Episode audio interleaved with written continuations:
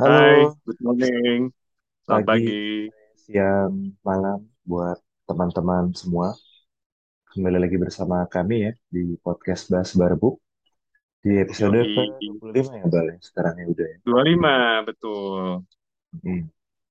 Episode 25 nih. Udah seperempatnya dari 100 ya. Wih, masih going ya kita ya, seperempat. Sampai 100 nanti Yoi. dan lebih ya, dan seterusnya ya. Jadi masih berdua lah sama Iqbal dan Iksan ya hari ini. Betul. Pak Widinya masih eh, izin ya, teman-teman semua. Jadi, Masih eh, cuti kayaknya Pak Pak Widi ya. Pak Widi masih cuti. Tapi kita akan coba sebisa mungkin ya, Bel, ya, untuk mengcover di episode kali ini dengan buku apa nih Bel kita hari ini? Oke, jadi kita punya buku menarik nih. Buku tulisannya Mark Manson ya. Mungkin teman-teman semua udah tahu. Karena buku ini tuh ada di mana-mana lah. Di Gramedia ada, Cukup Tokopedia ada ini banget gitu ya ya. Ya, cukup terkenal karena ada terjemahannya juga ya kalau nggak salah ya. Ada, ada terjemahannya juga. Ah iya, Terjemahannya tuh apa? Apa San? buah Bahasa Indonesia seni untuk bersikap bodo amat ya, sangat halus, sebuah diperhalus ya, seni untuk bersikap bodo amat gitu kan, diperhalus kan. halus ya. Kalau nggak bahaya gitu Karena kalau katanya editor dia. ya. bahasa Inggrisnya ada kata-kata kasarnya sedikit nih, Nah, mohon maaf ya. The mm, subtle art of not giving a fuck gitu kan. mm, mm. Jadi yang menariknya ini tuh di covernya ada tulisan ya, a counterintuitive approach to living a good life. Nah, makanya Mark Manson tuh selalu bilang kalau buku-buku yang dia rilis itu uh, contradicting uh, most uh, self-help advices lah dia bilang gitu. Jadi mungkin tidak toxic positivity yang hanya disuruh tersenyum melihat dunia gitu ya, tanpa Ya, harus uh, melihat realitanya tuh seperti apa sih San. oke. Karena ya rata-rata kalau gua lihat juga gitu ya Bal. ya. Maksudnya buku-buku self improvement, buku-buku motivasi atau motivator tuh kayak dia dia tuh cuma memotivasi lu untuk lu harus bisa bermimpi, lu harus bisa senyum, lu harus punya spirit, tapi lu nggak pernah diajarin bagaimana coping dengan permasalahan gitu kan. Sementara kan Yes, ya realita tuh kan ada dua sisi gitu kan, antara lu Betul, happy, antara lu sedih gitu kan. Nggak bisa lu cover satu part doang gitu, lu harus kayak accept realita lu secara keseluruhan gitu nggak sih? Iya, setuju. Nah, gue tertarik sama yang tadi lu bilang permasalahan gitu kan, karena Hmm. sebenarnya di sini tuh lebih membahas permasalahan kenapa orang-orang tuh nggak happy gitu. Permasalahan apa Oh, aja sih di hidup kita yang bikin kita tuh ibaratnya negatif lah gitu ya. Hmm, ya, Mungkin kita coba langsung eh, masuk aja kali ya ke bukunya ya. Langsung aja nih ya. Jadi buku ini tuh lumayan gampang dibaca menurut gue ya. Totalnya tuh Hmm. ada 200 halaman lah ibaratnya. Hmm. Eh, dia ada 9 chapter ya, tapi mungkin gue akan bahas chapter favorit gue aja kali ya, yang Oke. eh, bisa di bring ke teman-teman gitu. Nanti kalau misalkan teman-teman mau tahu seluruh isi bukunya, gue rekomen untuk baca seluruh chapternya sih. Hmm. Eh, kita masuk ke chapter satu kali ya. Chapter Oke. satu tuh yang menarik gitu kan. Judulnya Hmm. udah langsung to the point gitu. Don't try gitu. Jangan coba gitu kan. Wah, ini menarik karena kalau lo lihat di self help book mana ada gitu orang disuruh nggak usah nyoba gitu kan. Kembar Dan di sini tuh kayaannya self kebalikannya gitu kan, sekarang gitu. counterintuitive gitu kan. Iya betul. Dan diceritain di sini tuh ada orang namanya Charles Bukowski san. Dia tuh Oke. alkoholik, womanizer. Lalu dia pokoknya dia orang yang ya kalau bisa dibilang orang terakhir lah yang lu bakal minta advice gitu Hmm. untuk uh, mencari meaning of life gitu kan. Dan dia tuh memang uh, writer gitu, tapi dia nggak pernah merilis writingsnya itu ke publik sampai Mhm. dia itu di umur kepala lima kalau nggak salah ya. Dan Hmm, akhirnya ya ya. orang-orang tuh baru realize tulisannya bagus gitu, dan itu merubah reputasinya dia gitu. Hmm. Tapi lucunya lagi ya, di apa namanya batu nisannya itu dia tertulis don't try gitu, don't try. Dan dia menceritakan gini, dia tuh comfort sama diri dia sendiri dan kegagalannya dia bertahun-tahun gitu ya.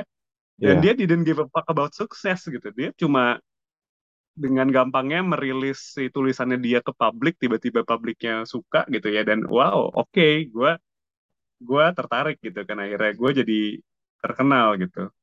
Dan ya menurut Mark Manson mestinya hidup kita seperti itu gitu bawa cool aja jadi Hmm. ibaratnya tidak harus lu emang ber apa ya bercita-cita menjadi orang besar karena mungkin emang udah ada jalannya sendiri lah gitu di Iya. udah di kalau kata apa namanya eh, orang Islam kan rezeki udah diatur ya sama yang di atas gitu nah menurut Hmm. gue sih Charles Bukowski ini ya rezeki udah diatur gitu Ya. di umur 50 baru ada rezekinya gitu kan Hmm. jadi di sini tuh dibahas juga ada yang namanya backward law ya itu Oke. yang eh, bikin namanya Alan Watts Jadi Pak, ketika kamu mencari positive experience, di situ kamu menemukan negative experience gitu. Dan ketika kamu mengaccept negative experience itu, dan itulah terjadi positive experience. Jadi backward gitu. Jadi Iya. pada saat lo mau mencari kesenangan, itu adalah negative experience sebenarnya.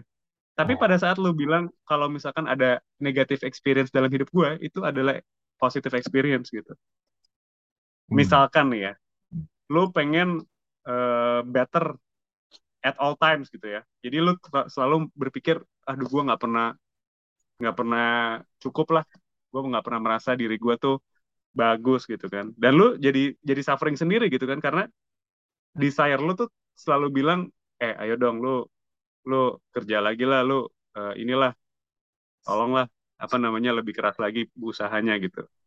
Hmm. Jadi ibaratnya lu pengen kaya banget, jadinya lu jadi selalu merasa miskin. Jadi liatnya selalu ke atas, nggak pernah ke bawah gitu, San.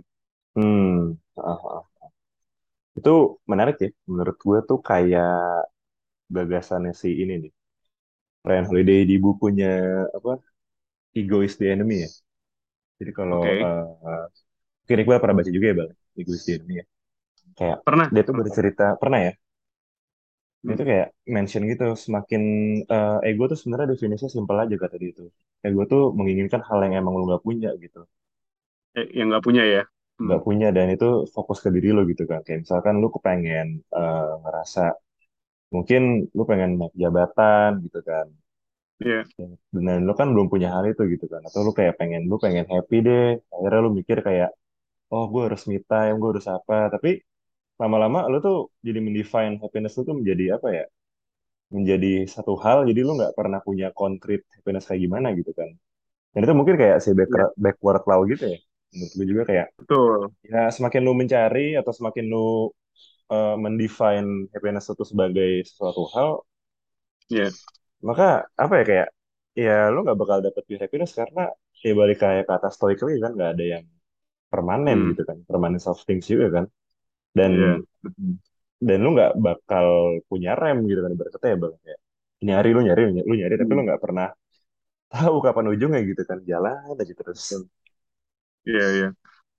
Makanya sih kalau gue pernah baca juga ya di satu buku tuh when you have enough itu lu adalah orang terkaya di dunia gitu. When you can Hmm. say you have enough gitu dia bilang kan. Hmm. Dan ya itu benar sih. Kata-kata Don't Try ini menurut gue wah sangat keren ini juga sih sangat gitu kan. sangat eh, apa berkesan gitu ya Itu kalau nggak Berkesan salah di, di, di, di apa tadi di makam media gitu ya. Gokil juga Di tuh orang makamnya dia di- ditulis nggak Don't Try naruh gitu. apa quotes-nya gitu kan.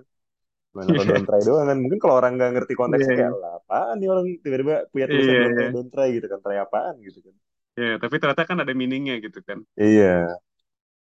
Jadi Mungkin meaningnya ya tuh negativity is the path to positivity gitu kan. hmm, hmm, Jika backward ya. The backward law-nya gitu kan. Nah, Hmm. kita mungkin move along ke next chapter kali ya. Siap. Chapter go. 2 nih gua menurut gue juga lumayan seru. Jadi Hmm. judul chapter 2 ini happiness is a problem ya. Dan di sini tuh dijelasin gitu bahwa faktanya hidup tuh adalah suffering gitu. Fact fact-nya suffering itu kan duka ya. Iya. Bahkan the great Siddhartha Gautama aja juga mengetahui kalau sebenarnya uh, suffering itu comes from desire gitu kan makanya dia coba untuk melimit desire dia sebisa mungkin lalu dia men mendapatkan enlightenment gitu kan dari Hmm. situ karena dia ibaratnya sudah bisa uh, tidak attach kepada hal-hal eksternal gitu kan ibaratnya ya jadi dia Ya. bisa menghapuskan suffering dari uh, diri dia sendiri dan orang lain gitu kan Dan uh, di sini tuh dijelaskan kalau sebenarnya seperti mencari apa ya, mencari kesenangan tuh seperti lari di treadmill gitu dan Oke. ada jargonnya itu hedonic treadmill. Jadi kalau teman-teman lari di treadmill kan itu tidak pernah tercapai tujuannya ya. Jadi kita hanya lari di same spot gitu kan. Tapi mungkin Hmm. jadi kurus kali ya kalau kalau yang lagi diet atau lagi olahraga gitu kan. Ah. Tapi maksudnya uh, tidak akan mencapai tujuan teman-teman gitu. Misalkan teman-teman mau ke mall, lari di treadmill ya nggak akan sampai ke mallnya gitu kan. Ah. Dan itu ya cognitive bias yang menurut gue lagi happening sih di zaman sekarang gitu ya. Apalagi udah ada Instagram dan lain-lain gitu di mana orang misalkan nih udah puas dengan hidupnya tapi dia lihat Instagram stories temennya atau tetangganya lebih keren dia jadi lebih jadi pengen juga kayak gitu Hmm. Hmm. ya kurang lebih dibahas lah di chapter ini gitu sebenarnya lebih ke ke sana sih San Hmm. Lebih ke arah apa ya? Hmm. Kayak di atas langit tuh bakal ada langit, tapi kayak lu nggak perlu, sebenarnya lu nggak punya kewajiban untuk pindah ke langit yang di atas lagi kan orang lu di langit yang ini udah ya gitu betul kan. betul Karena lu hidup betul hidup hidup aja lu kan kayak bahagian lu kan ya ya seberapa banyak sih needs yang kita butuhkan sebenarnya kan buat hidup kan. ya betul kurang kan. lebih gitu Betul. Dan kalau misalkan emang maunya happy happy aja ya nggak akan bisa seperti itu gitu kan. Nggak bakal terjadi gitu kan ibaratnya. Betul. Ka- maksudnya semua orang tuh pengen jadi kaya pengen jadi happy pengen merasa eh, merasa good gitu kan feel good gitu ya. Iya, tapi jarang ada orang yang mau eh, merasakan sufferingnya dulu gitu dari dari untuk mencapai hal itu gitu ya. makanya tadi kan backward law kan sebenarnya kalau misalkan emang iya. awal udah acceptance terhadap negative experience ya kita udah bisa bilang kalau itu adalah sebenarnya positive experience gitu Hmm. kurang lebih gitu sih dibahasnya gitu Sama gue jadi inget ini ya. Kayak buku yang kemarin kita baru bahas ya, Bal. ya. Si William Birkin kan dia bilang hmm? Kalau mungkin it- kayak kalau lu belajar mensyukuri apa yang lu punya sekarang, lu tuh nggak bakal punya alasan atau gak bakal punya keinginan untuk nyari langit yang di atas lu lagi gitu loh. Kayak Hmm, iya, iya, iya. dengan lu mensyukuri apa yang lu punya sekarang, lu tuh nggak bakal ah, bukan mensyukuri ya, dengan lu membayangkan kalau misalkan hal-hal yang lu punya sekarang itu hilang gitu kan. Lu Iya, pasti desire-nya itu hal-hal yang lu punya sekarang gitu kan. Jadi lu bakal lebih happy kayak, iya, oh untung gue punya ini, untung gue punya uh, internet misalnya kayak tadi kan iya, misalkan iya, iya. internet gue unstable gitu kan. Kalau terus kayak Hmm, gue gue ngebayangin kalau misalkan internet gak ada tuh ya ribet banget gitu kan. Kan jadi kita nggak iya, gue nggak kepengen mikir yang lain lagi kan kayak ya udahlah dengan yang sekarang tuh udah mulai ya udah udah cukup gitu kan. Betul. Negatif visualisasi ya. ah negatif Hmm, visualisasi ya itu bagus sih. Menjadi pelengkap di eh, apa namanya teknik teori teori untuk bisa merilis itu ya Hmm, negatif ber, emotion tadi ya. bersyukur lah ya teknik untuk Ya bersyukur bersyukur lah ibaratnya. Mm-mm. Nah kita masuk ke next chapter ya. Chapter 4 oke nih. Judulnya siap The Value of Suffering gitu. Di sini tuh dijelasin kalau misalkan kita emang dari awal punya goal yang salah gitu ya, ya kita emang akan fuck sih gitu kan. Di sini tuh diceritain lucu sih. Ada jadi ada satu gitaris terkenal ya, namanya Dave Mustaine. Jadi bu- Mm. buat teman-teman semua yang nggak tahu Dave Mustaine, Dave Mustaine ini adalah gitarisnya Megadeth gitu kan. oke Yang ternyata dulunya itu adalah gitarisnya Metallica gitu. Cuma Hmm. entah kenapa mungkin emang nggak cocok visi misinya dia ya dikeluarin sama dia Metallica gitu cabut kan ya Mm-mm. dan dia akhirnya dendam gitu kan gue harus sukses gue harus kalahin nih teman-teman gue gitu yang udah mecat gue akhirnya dia bikin Megadeth gitu kan yang kalau kita lihat Megadeth sukses banget gitu kan. Di seluruh dunia dia menjual 8 juta keping record lah ya ibaratnya ya. 8 juta banyak keping record ya. gitu kan. Banyak eh, tapi pada saat di interview si Dave Mustaine ini ditanya gitu kan eh kira-kira kamu merasa sukses nggak sih? gitu Dave Mustaine. "Eh, jujur saya nggak merasa sukses sih gitu. Karena saya somehow tetap melihat eh, saya di Death Metallica itu adalah eh, disguise gitu kayak aduh tetap Oh, tetap jadi dendam gitu Mm. Karena Metallica lebih sukses daripada gua sekarang gitu. Jadi gua nggak akan pernah merasa happy kalau gua ngalahin Metallica yang di mana rekordsnya itu udah terjual 125 atau 250 gitu juta keping Mm. lah ibaratnya. Jadi di Lebih atasnya lagi Megadeth gitu ya. lebih banyak lagi gitu. Heeh. Padahal kalau kita lihat Megadeth kita udah tahu wah ini orang gede banget sih Megadeth gitu kan. Mm. Tapi di di pikiran Dave Mustaine dia tetap loser gitu. Mm. Sebesar apa pun dia eh, sekarang gitu kan. Dan Iya. ini kontradik dengan ceritanya satu orang gitu ya namanya Pete Best. Nah, Pete Oke. Best ini kalau teman-teman tahu adalah gitaris sebelum Ringo Starr-nya Beatles gitu ya. Mm. Jadi eh Pete Best ini keluar di saat Beatles tuh sebelum terkenal banget lah, ibaratnya sebelum meledak tuh dia keluar gitu. Dan digantiin sama Ringo Starr gitu karena di satu interview tuh dia ditanya juga sama interviewernya gitu. Pete Best, kamu menyesal nggak sih keluar dari Beatles gitu? Sekarang Beatles sudah meledak. Kalau misalkan kamu masih di The Beatles kan, ya kamu bakal kaya raya, nggak bakal tinggal di rumah kamu yang sekarang mungkin ya. Terus dia Mm. bilang, oh enggak, gue nggak menyesal gitu. Justru gue melihat ini sebagai kebahagiaan gitu, blessing in disguise. Mungkin kalau gue masih di The Beatles, gue nggak akan punya keluarga seperti ini. Gue nggak akan bisa mencintai istri gue. Gue nggak akan bisa bermain sama anak gue gitu. Dan gue happy banget dengan kehidupan gue sekarang gitu. Itu nggak bisa ditukar dengan apa pun kata dia gitu. Dan wow, itu sih menurut gue keren sih. Mm. Dua Iya. storyline yang berbeda gitu San. Menurut lo gimana? Perspektif yang beda gitu ya. Kayak Perspektif yang beda gitu. tergantung meaning mana yang paling valuable buat lo kali ya. Kayak kalau kata Viktor Frankl kan semua hal tuh pasti ada meaningnya kan dalam kehidupan lo. Kayak sesimpel yang dulu dia bilang di bukunya kan dia eh, bilang kayak walaupun dia terpaksa untuk kerja di camp konsentrasi Nazi tapi dia kayak ingat bahwa oke dengan gue kerja kayak gini mungkin gue bakal bisa ketemu sama istri gue lagi gitu kan. Ya mungkin Iya, sama dengan halnya para musisi yang ada di eh, bukunya Mark Manson ini kali ya. Mungkin betul. buat eh, Pete Best tadi ya, betul nama dia.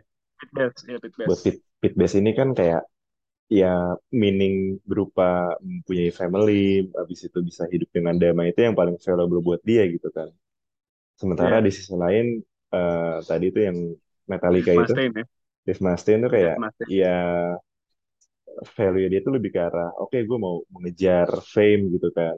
Sebenarnya sih nggak ada yang masalah ya, Bal. Cuman menurut gue sih lebih ke arah yang paling realistis ya pasti pit pace kan soalnya karena kalau lu ngejar sesuatu yang kayak si Dave Mustaine itu tuh ya lu bakal ya kayak hamster lagi gitu kan lu jalan-jalan lu Ya, capek lu makin ya. tua gitu kan Hmm. ibarat kata kan kalau lu treadmill kan lu kan mas makin kurus kan cuman lu bayangin aja Iya. treadmillnya tuh ya lu hidup lu semakin lama lu semakin tua gitu kan tapi lu masih jalan lu masih jalan lu masih jalan Hmm. lama-lama ya udah lu nggak punya apa-apa gitu kan tapi lu Iya. nggak tahu tujuan lu ke mana kan ya mungkin Iya, ya itu ya perkara yang mana yang lebih valuable gitu ya yang mana yang yang betul. bisa bring happiness in its pure form yang bukan karena lu bergantung sama hal itu tapi lu karena lu accept gitu ya Setuju sih.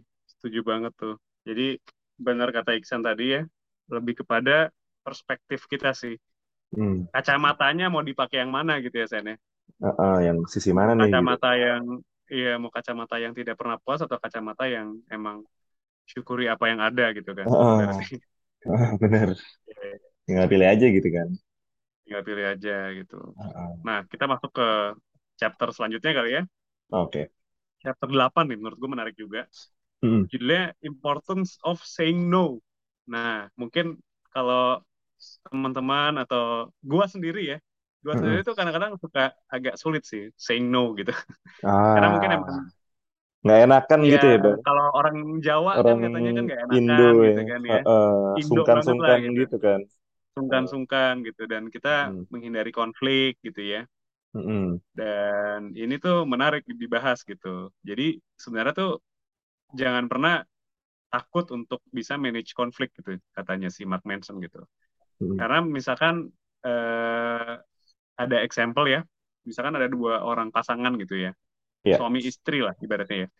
Nah, healthy relationship itu adalah dua orang pasangan yang bisa mendengar dan bilang no dari each other gitu. Dia bilang gitu. Mm, mm. Jadi ibaratnya fundamental base-nya itu ya kita tidak tidak apa-apa untuk disappoint partner kita tapi dengan dengan ada justifikasi gitu San. Jadi ibaratnya Hmm. tidak kontradik dengan hati kita gitu ya. Misalkan apa ya simpelnya kayak eh eh kita ini yuk kita pergi yuk hari Sabtu gitu misalkan ya. Tapi Iya. misalkan deh lu lu Sabtu lagi ada tugas gitu kan.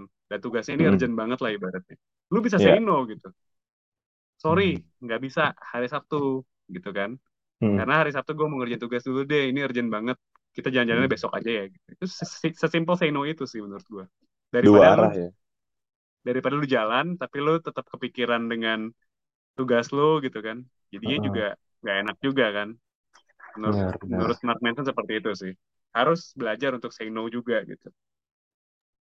Lebih ke arah mungkin belajar asertif kali ya. Bang. Kayak, lu tuh harus Asertif bisa ya. menyampaikan apa yang lu inginkan gitu kan. Gak, ya lu to Hmm. the point gitu. Lu nggak suka ya lu nggak suka.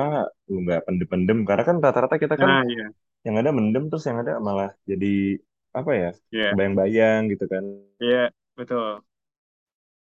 Ya kayak misalkan lu sesimpel tadi kayak ah gue Sabtu jalan nih. Terus lu kayak lagi tidur kayak anjir lah gue tugas gue gimana nih gitu kan kayak Iya, lu bakal mikir terus kan lu nggak lu nggak bakal happy gitu kan ah Gak lah enjoy gitu. juga gitu kan. iya pas jalan juga kayak aduh mana tugas gue gitu kan itu kan Iya, perkara simpel belum kayak perkara-perkara yang lain kan di luar sana kan pasti betul. ya teman-teman juga pasti banyak yang pernah ngerasain lah ini kan kayak experience yang sangat sangat itu deh lah ya kayak lu tuh pasti deh. pernah gak sih kayak bilang kayak ya iya nggak apa-apa tapi sebenarnya nggak sebenarnya apa-apa gitu dalam hati lo gitu kan ya kita Iya, Indo lah ya pasti kan Indo banyak banget lah momen-momen kayak gitu gitu kan. Demi respect respect gitu kan kayak iya iya respect Iya, doang gitu kayak oh iya iya nggak nggak apa-apa nggak apa-apa. Kayak dalam hati aduh ya lah gitu kan. Iya. Setuju, itu bahaya tuh ya berarti ya gitu ya. tadi gue tertarik sama asertif gitu ya. Jadi hmm. gue agak inget cerita di kantor nih. hmm. Kata bos gue yang orang asing gitu ditanya kan, gimana sih kerja hmm. sama orang Indonesia? gitu kan. oke. Menurut gue sih orang Indonesia tuh harus lebih banyak menyampaikan pendapat mereka gitu. Karena orang Indonesia ini hmm kalau ditanya any comments, any any questions, kayak template itu jawabnya no gitu kan. No, kayak aduh nggak ada iya gitu. lagi ya Maksudnya padahal lu sebenarnya lu pengen ngomong tapi lu malu atau apa gitu Heeh. ya.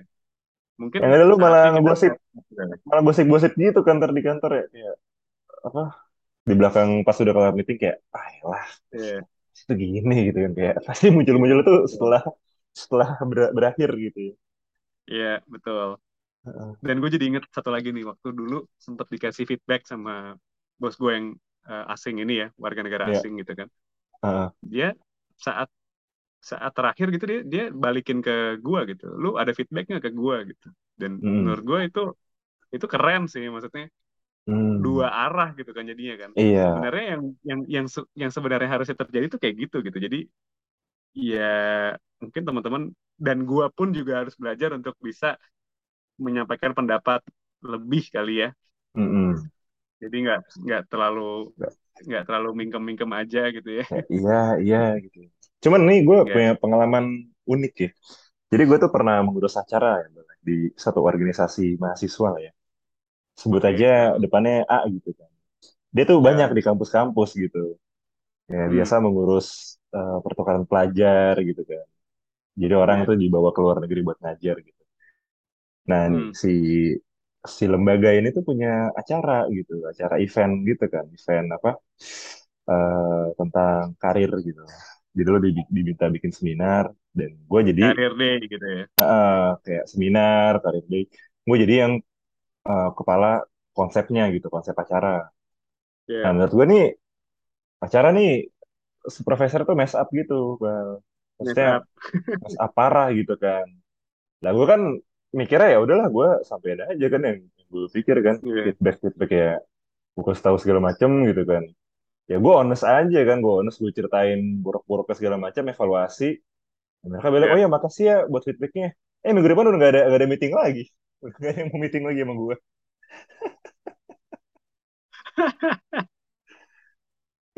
apa Ya, ya? tapi kan at, at least lu udah berbuat benar kan.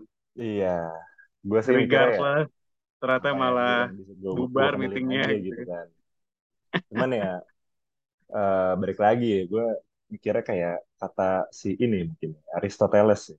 Itu ada namanya golden Hmm, mean. Kalau lu mau yeah, melakukan sesuatu tuh lu pada porsinya aja gitu. Lu lihat dulu kira-kira kan yang ada rugi ya Bal kalau gue nggak bisa ketemu sama si orang-orang itu kan maksudnya gue juga butuh informasi yeah. kan dari mereka kan. Coba ambil jalan tengahnya aja gitu kan. Penyampaiannya Hmm, gimana gitu. Yeah, yeah, yeah, yeah. Menarik ya, kan ya. Pasti semua orang punya pengalaman lah ya mengenai si saying no ini atau misalkan emang mengutarakan pendapatnya vocally gitu kan. Mm-mm. Betul, pasti ada lah teman-teman di luar sana tuh ngerasain. Ya, pasti pasti ada. Menarik Mm-mm. sih kalau bahas buku eh bahas chapter ini ya. Nah, tapi kita move on ke chapter terakhir kali ya. Oke, siap. Chapter terakhir ini chapter 9, menurut gue juga Mhm. menarik. Judulnya tuh And Then You Die gitu kan. Hmm. Jadi dijelasin kalau emang seluruh manusia itu ya pada dasarnya kan pasti akan meninggal ya ibaratnya ya. Ya. Dan itu yang clearly harus kita give a fuck about kata si Mark Manson gitu. Dan di sini Hmm. tuh ngebahas juga teori stoik di mana ada yang namanya memento mori ya. Iksan pasti tahu juga nih. Ibaratnya kalau misalkan gua mati besok atau next year gitu ya, apa yang akan gua lakukan sekarang sih to Hmm. make uh, the world better ibaratnya gitulah. Hmm. Misalkan kita bakal lebih keras lagi uh, bekerja itu bisa aja, atau misalkan Hmm. kita lebih banyak lagi spending time dengan keluarga kita itu bisa aja gitu ya. Karena kita tahu nggak akan selamanya kita tuh memiliki waktu dengan mereka gitu ya, atau Hmm. mungkin banyak hal lain lah memento mori itu. Hmm. Ya, take, take on lu gimana San mengenai si memento mori ini? Menurut gue sih memento mori ini membantu kita untuk lebih bersyukur ya, Bal. Karena gue mikirnya kayak law of Hmm. supply and demand aja sih. Semakin scarce ya, Hmm. supply-nya, maka semakin tinggi demand-nya gitu kan. Semakin lu Oh iya mikir betul. kayak betul. waktu lu semakin dikit, semakin lu ngerasa, eh, oke, gue bakal lebih seneng banget gitu. Gue bakal lebih demand untuk Ya ketemu sama anak-anak gue, atau kayak untuk ketemu sama keluarga gue gitu kan. betul. Jadi ya lebih ke arah apa ya kayak dan selain apa lebih mensyukuri hari-hari lu tuh gue ngerasa memento mori itu atau konsep konsep memento mori itu lebih ke arah ya apa ya pasti ada ujungnya gitu di kehidupan lu gitu jadi kayak lu jangan jangan ngejar sesuatu yang emang nggak nggak ini nggak nggak ada manfaatnya gitu karena hidup lu tuh terbatas gitu Betul. Setuju dan sih. Setuju, waktu setuju. lu tuh precious gitu kan Waktu lu precious. Itu yang kadang-kadang orang lupa ya. Waktu lu tuh iya precious gitu kan. lu tuh kayak kayak dibikin lupa gitu kan kayak lu bisa hidup selamanya lah lu lupa lu kayak mikirnya supply Hmm. lu tuh ada terus gitu supply hidup lu tuh ada selamanya gitu kan Ya, padahal kalau lu lihat kan setuju. kayak nggak bakal susah buat bikin kita tuh manusia tuh wafat gitu kan Ya, banyak banget hal yang bisa membuat kita wafat setiap hari tapi kita nggak pernah tahu gitu karena kita lupa kita betul. udah ter- udah terlalu terbiasa nonton Instagram terbiasa duduk di kursi kayak gini tapi kita lupa kayak at some point kita bakal hilang gitu kan being nothing gitu oh Or kita bisa juga aja hmm, bangun tidur nggak bangun lagi gitu kan. Bisa aja. dia Heeh. Hmm.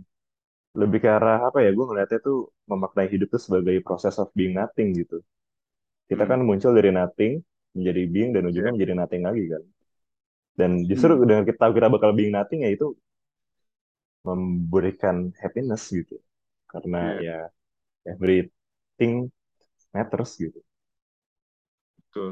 Setuju sih sama Iksan sih. Dan gitu ya mungkin ya melanjuti topik Memento Mori, di sini tuh Hmm. ditulis juga ada Ernest Becker gitu ya. Ernest ya Becker ini punya konsep namanya denial of death gitu. Hmm. Karena selaku manusia tuh kita adalah satu-satunya makhluk hidup yang bisa konseptualisasi dan Hmm. punya imaginary diri kita tuh secara abstrak gitu San. oke Jadi di di Ernest Becker ini bilang kita basically punya dua dua self ya. Mhm. Eh, self pertama tuh physical. ya Physical kita tuh yang di mana kita makan, kita minum, kita ya tidur, on ya repeat lah ya. Mhm. Dan ada lagi yang namanya konseptual.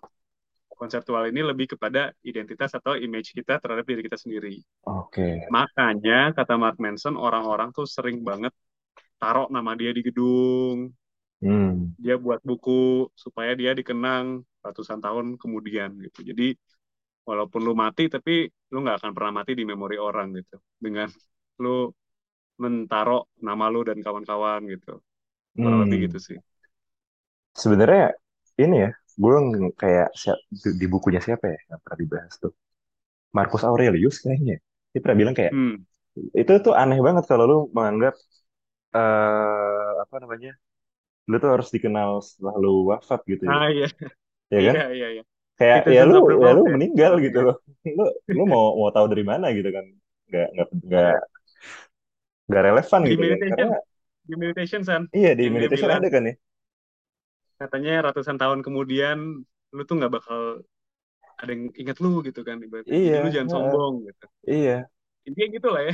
heeh, kayak ya delusi doang sih menurut gue ya Bro. kayak lebih ke arah fame lu tuh ya apa, apa itu yang ada di otak lu doang gitu kan bisa dibilang kayak gambar lu terhadap dunia tuh sebenarnya cuma imajinasi lu doang gitu kan sesimpel mereka Ya, ya, mungkin teman-teman pot apa barbukers mendengar suara kita tapi kan ini suara doang gitu. Cuma ada bayangan harus dengan bantuan imajinasi kan. Kayak kalian mikir kayak mungkin ya, sekarang gue ngomong sambil senyum gitu. Sama halnya kayak ya semuanya gitu. Itu kan ya, fame lo kan delusi lo doang gitu imajinasi lo doang kan. Ya, nggak nggak nggak nggak meters gitu kan jadinya kan. Nggak matters. kata Marcus Betul. Aurelius lah itu ya. Meditation ya. Itu Marcus Aurelius dari sebelum Masehi atau bukan sih wah. Tahun berapa ya? Dia udah mikir kayak gitu ya.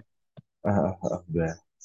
Keren padahal dia raja loh ya gitu. seorang seorang raja Iya dia dia dia dia pun terkenal gitu kan. Maksudnya dia Ah, bilang ya ratusan tahun kemudian lu nggak akan ada yang kenal lu gitu di sini. iya Iya walaupun iya. kenalnya dari diary dia ya sebenarnya bete juga kali ya kayak lu punya Iya lu punya diary buat buat diri lu sendiri kan tapi ujung-ujungnya diary lu satu dunia tahu gitu iya, benar. Gue setuju sama lu San. Jadi itu sih yang bisa dibahas nih teman-teman ya di buku hmm Mark Manson dan takeaway-nya. Jadi in life kita tuh punya limited amount of fucks to give gitu kan.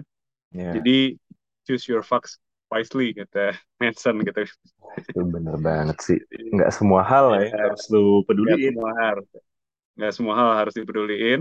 Mm-mm. Jadi eh, coba ditulis dulu ya, mungkin di list down. Apa namanya to-do listnya apa aja yang perlu dikerjain ya. Kalau menurut teman-teman mandatory ya diperhatikan, kalau nggak mandatory ya udah gitu. Yo, Dan stop trying to be positive at all times katanya si Marcus eh sorry katanya Mark Manson gitu. itu penting banget sih. Ya, jadi Syukuri kurang lebih gitu kan. aja. Ya betul apa adanya aja.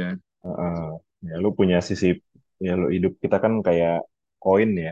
Ada positifnya, Ya ada ada buruk-buruknya juga gitu kan. Kita juga punya sisi rentan, Betul. kita juga prone terhadap permasalahan gitu. Ya Ya accept aja gitu, lu harus accept diri betul fully gitu kan. Karena kalau bukan lu siapa lagi kali. betul betul betul betul. mantap. Mantap Jadi ya. mungkin itu lah ya eh, gambaran besarnya buku Mark Manson dan Iya pembahasan-pembahasan kita juga ya. Siapa tahu ya teman-teman barbukers tertarik gitu kan jadinya buat baca bukunya juga. Langsung aja ya dicari, banyak banget ya. Cari aja kalau ke Gramet atau ke toko buku apa, cari yang oranye sendiri gitu kan. Boleh. Itu kayak, kayak mencolok Yes gak sih kalau dari jauh kayak, wah ini ada bukunya tuh oranye gitu kan. Iya, biasanya sama yang biru tuh. Iya, Yang biru tuh buku lanjutannya. segala-gala? Segala-galanya Segala-gala ambiar. Segala-galanya ambiar. Segala-galanya ambiar. Nanti kita bahas Hmm, lagi kali ya. Ini siap, ya. boleh tuh. Heeh. Siap. Oke, teman-teman kalau punya key takeaway yang beda, boleh disampaikan nanti ya di Instagram post kita. Kita diskusi Mm-mm. bareng. Siap. Cuma eh, episode ini kita tutup ya, teman-teman ya. Nanti stay tune aja. Ada episode berikutnya yang pasti ngebahas buku-buku eh, seru lainnya. Oke, Mm-mm. kalau gitu Oke. kita pamit. Dan terima kasih sudah mendengarkan ya teman-teman ya. Stay safe and healthy. Bye-bye. Bye-bye. Thank you teman-teman semua.